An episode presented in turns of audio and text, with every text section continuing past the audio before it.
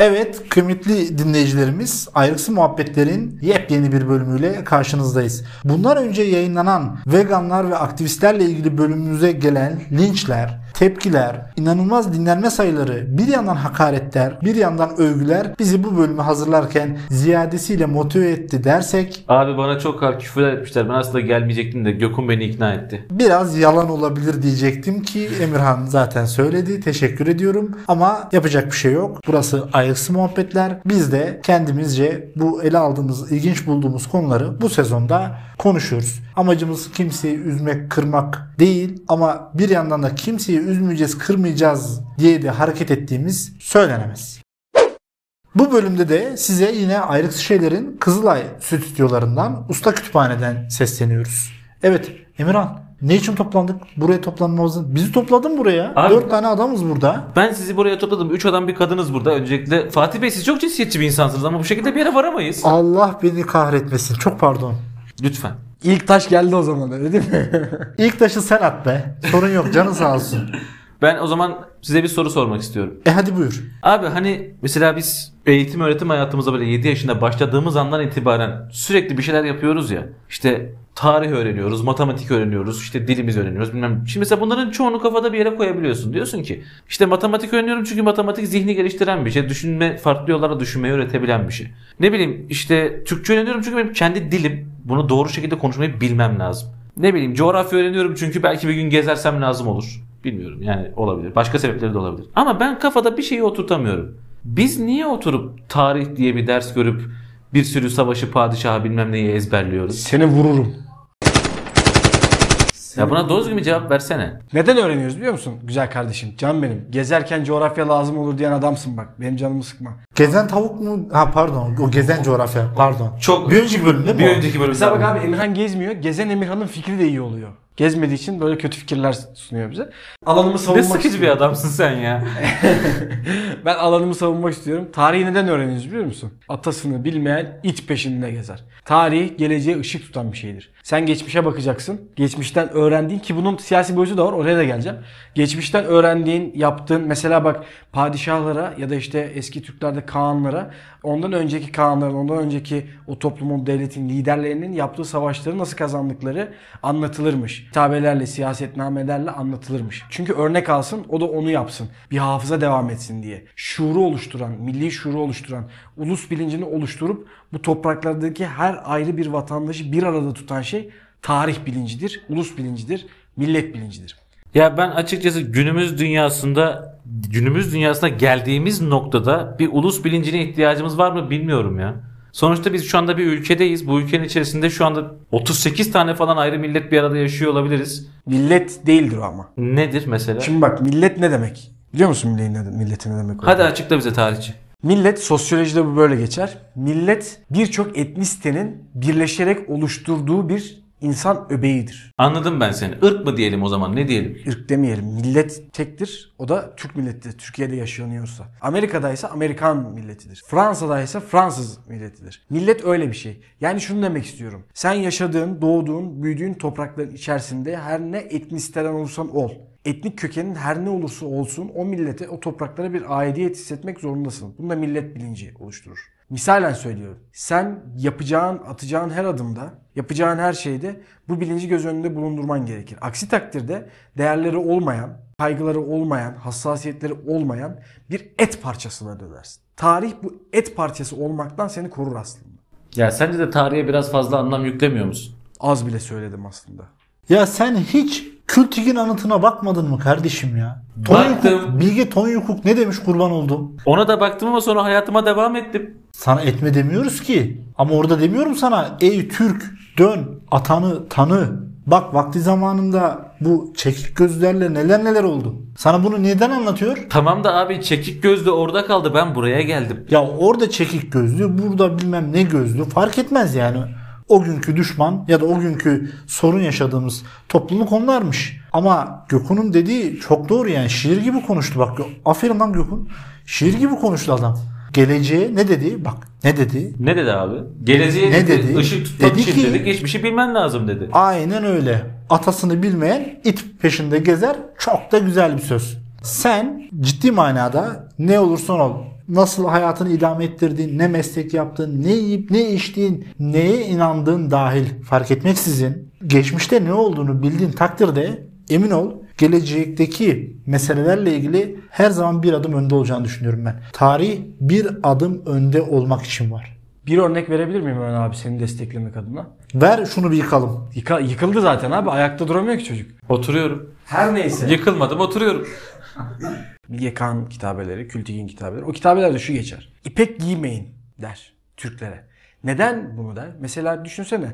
Senin deden sana oğlum... Çünkü ipek pahalı. Hayır. Çinliler ipek giyen insanlar tamam mı? Türkler daha çok keten giyiyorlar. Yırtılması daha zor şeyler giyiyorlar. Çünkü savaşçı millet. İpek giyerse eğer çalıların olduğu yere savaşta işte at üstünde ya da ormanın içerisinde sakınacak kıyafetini. Yırtılmaktan sakınacak. Bu da onu daha hassas ve savaşçılık yeteneklerinden, savaşçılık güdülerinden ayıran bir insan yapacak. Uzun süreç içerisinde. Adam bunu görmüş diyor ki ipek giymeyin. Onların yediklerini yemeyin, içtiklerini içmeyin diyor. Onlar gibi olmayın diyor. Ne demek bu biliyor musun? Sen savaşçısın, savaşçılık özelliklerini koru demek. Dikkatini çekerim. Bu Türk tarihinin geçmiş safhalarında da var, ilerleyen safhalarında da var. Asker Türkleri her zaman ayırmışlardır. Siyasetçilerden, bürokratlardan, Farslardan, Araplardan. Kız vermeleri yasaktır askerlerin. Diğer milletlerden kız alıp vermeleri yasaktır. Çünkü gen bozulacak, savaşçılık özelliklerini kaybedecekler, ordu bozguna uğrayacak diye Türkleri muhafaza ederlermiş ayrı bir yerde Türk askerleri. Ki böyle bir Türk topluluğu da var. Seçtiği dinden dolayı savaşçı özelliklerini yitiren bir Türk topluluğu da var.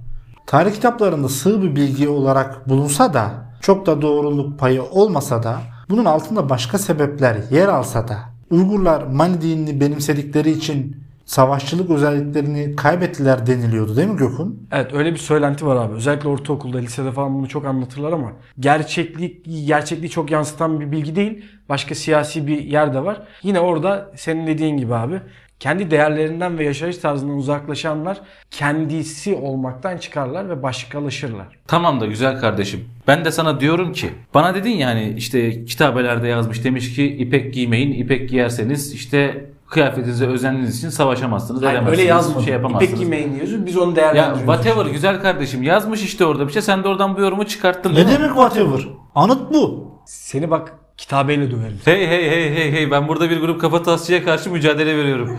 Şimdi bak kardeşim yıl olmuş 2022. At binmiyoruz. Otobüse biniyoruz. Paramız yok çünkü.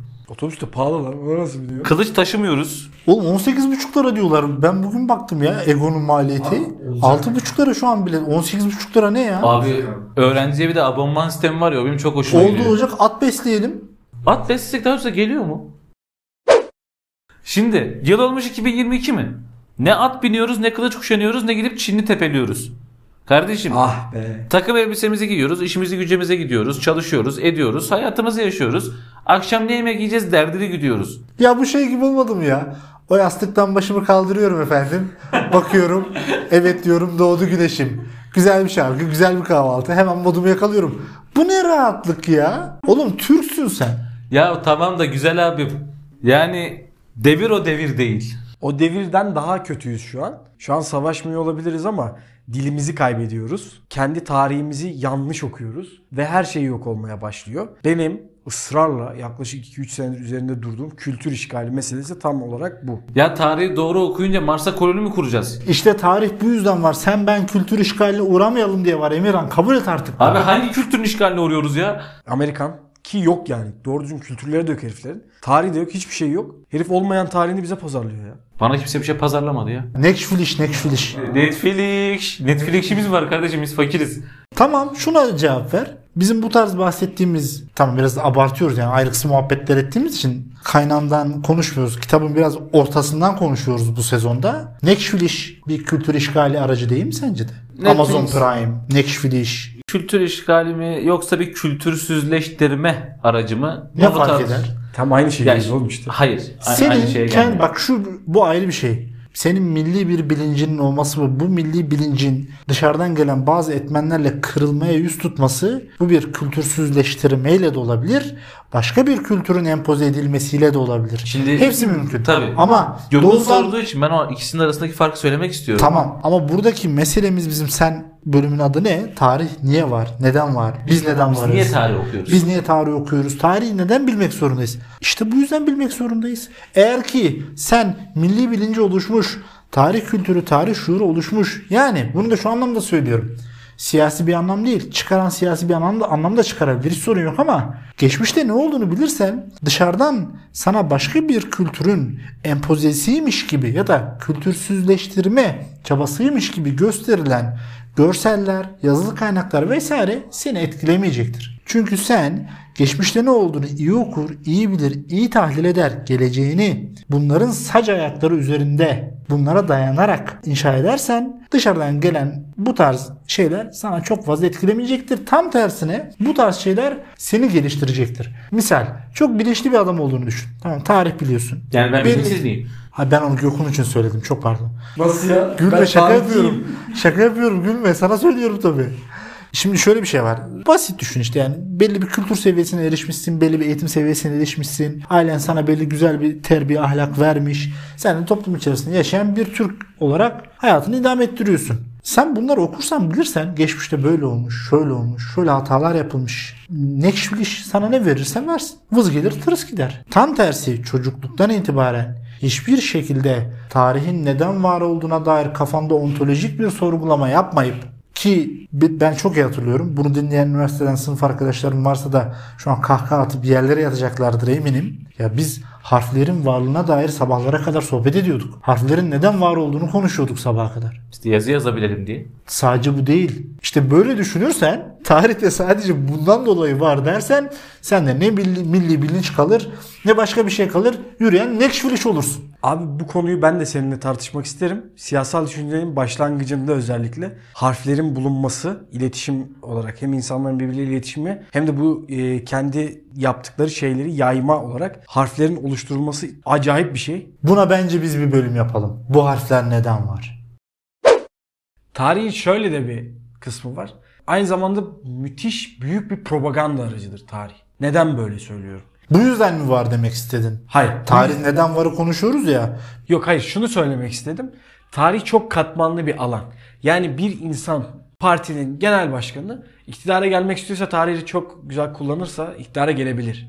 Tarihi kötü kullanırsa yani kendi için kötü kullanırsa iktidardan iktidarlar düşebilir. Tarihin böyle bir alanı da var. Mesela ben bitirme tezimde de yazmıştım bunu. Size de söylemiştim. Tarih geçmişin gazeteciliğidir demiştim. Şu an basın ne kadar önemliyse geçmişin hikayelerini bugüne taşıyıp yansıtmak da aslında o kadar önemli. Neden? Türkiye'de ve aslında bütün dünyada böyle. Mesela Vietnam Savaşı. Hepimizin bildiği, izlediği Vietnam Savaşı Rambo filminde bambaşka anlatılmış ve Amerikalıları aklamaya çalışmışlar. Sanki işte karşılarındaki yenildikleri kişiler gerilla değillermiş, düzensiz değillermiş ve kendilerinden daha az silah, daha güçsüz ekipmanları yani mühimmatları, silahları yokmuş da kendileri o durumdaymış gibi anlatıyorlar ve bunun propagandasını yapıyorlar. Dönüyoruz hemen Türk siyasi tarihine. Her iktidar geldiğinde siyaset baştan yazılıyor.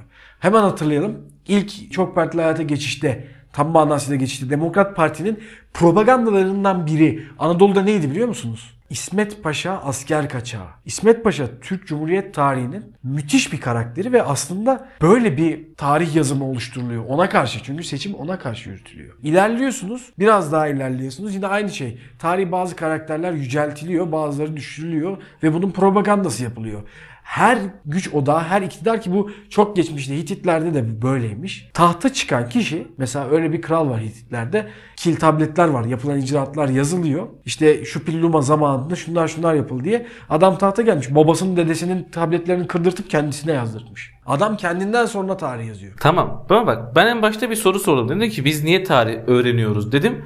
Bir beni dövmediğiniz kaldı. Bir müsaade edin ya. Mikrofonlar kapansın onu da yap. Ya neden öğrenmeyelim ya? Tamam bir saniye bir dakika. Neden öğrenmeyelim Emre? Ben şöyle bir şey söyleyeyim. Şimdi bizim insanımız ekseriyeti tarihe meraklıdır. Bizim insanımızın ekseriyeti tarihe meraklı falan değildir. Bizim insanımızın ekseriyeti tarih Dir. Direkt. Bizim insanımızın geneli tarih konusunda bir şey bildiğini zannedip bir şey bilmemektedir. Çok iyi tarih bilen bir toplum değil. Kulaktan dolma bilgilerle bildiği şeylerin tarih olduğunu zanneden bir toplumuz maalesef. Ya işte bu da hep tarihin bir yan etkisi. Tarih olmasa bu da mı olmaz diyorsun? Yani tarihin böyle olması tarihin kabahati öyle mi? Evet. Kıymetli dinleyicilerimiz bir önceki bölümümüzdeki linçlerin bir benzeri bundan sonraki bölümde de gelecek belli oldu. Ya bu gezen tavuk mudur bu ya ayırt edebilesin?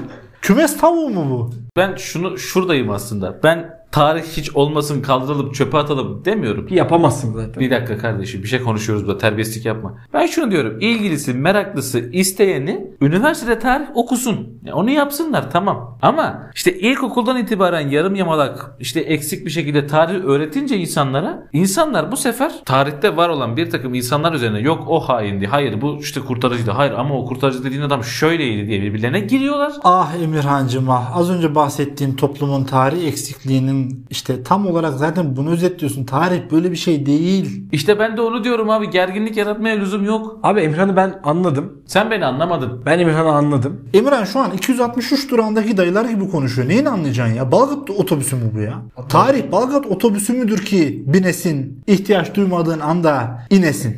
Abi bu da Posta Gazetesi kişilerinden. Öyle mi? Bilmiyorum. Neyse. Emrah şunu demek istiyor. Aslında bak senin bu bahsettiğin tarih var ya ilkokulda, ortaokulda, lisede anlatılan gerçeklik payı olmayan tarih. O tarih propaganda tarihidir. Toplumlar ulus bilincini oluşturabilmek için öğretici tarih yazıcılığından faydalanırlar. Yani insanları kandırıyorlar öyle mi? Bu bütün devletlerin yaptığı bir şeydir. Sen gidersin Japonsan Hiroşima'yı Nagasaki bilerek büyürsün. Bu dediğinde şöyle bir eksiklik var. Olaya öyle bir yerden girdin ki sayın tarihçi. Tarih özü itibariyle doğrudan Emirhan'ın bahsettiği gibi bir toplumu uluslaştırma çabası olarak kullanılan bir şey değil. Yani Japonların Hiroşima'ya, Nagasaki'ye çocuklarını çok küçük yaşlarda alıp götürmeleri bir uluslaştırma çabası ama sanki burada Emirhan'ın bahsettiği yanlış tarih. Ama bu bahsettiğimiz uluslaştırma çabalarındaki tarihi bilgiler doğru. Tam oraya gelecektim abi. Çok güzel yere parmak bastım. Bizim memleketimizde bu yanlış tarih olarak yansımış. Yani şunu demek istiyorum. Çanakkale'yi anlatırken hani şeyh uçmaz mürhit uçurur meselesi var ya. Çanakkale'yi anlatırken ya da tarihi bazı şeyleri anlatırken biz çok romantik bir millet olduğumuz için bazen uçmayan şeyhleri uçurabiliyoruz. Halbuki bunların hepsi insan. Yani biz az önce de Fatih abimin dediği gibi doğrularla yapılır denilen kısmı yani tarihin ibretli kısımlarını ilkokuldan başlayarak bütün eğitim öğretim hayatına yayarak verirsin ve o ibretli kısımlar o bireyde toplum ulus bilincini oluşturur ve o insan milletin bir ferdi olarak kendi ulusunun bir ferdi olarak hayata atılır. Türkiye'ye geldiğimizde Türkiye'de böyle olmuyor. Türkiye'de her gelen hoca kendi ideolojisine göre tarih anlatıyor.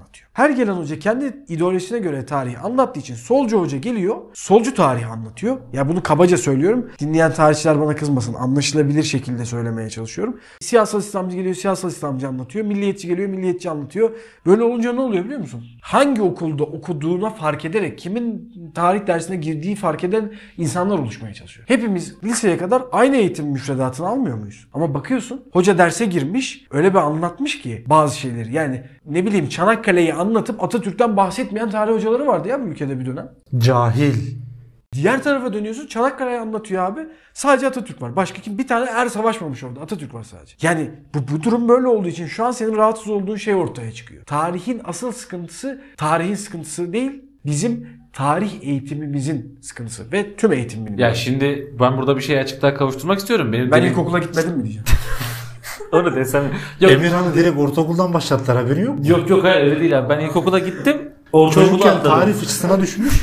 tarih, tarih fıçısı. Abi göbek ondan öyle. Asterix, Obelix'teki gibi tarih Tabii, tabii. fıçısı varmış evlerinin önünde. Ona düştüğü için direkt ortaokuldan başlatmışlar. Aynen kazana düştüm ben ondan böyle oldu.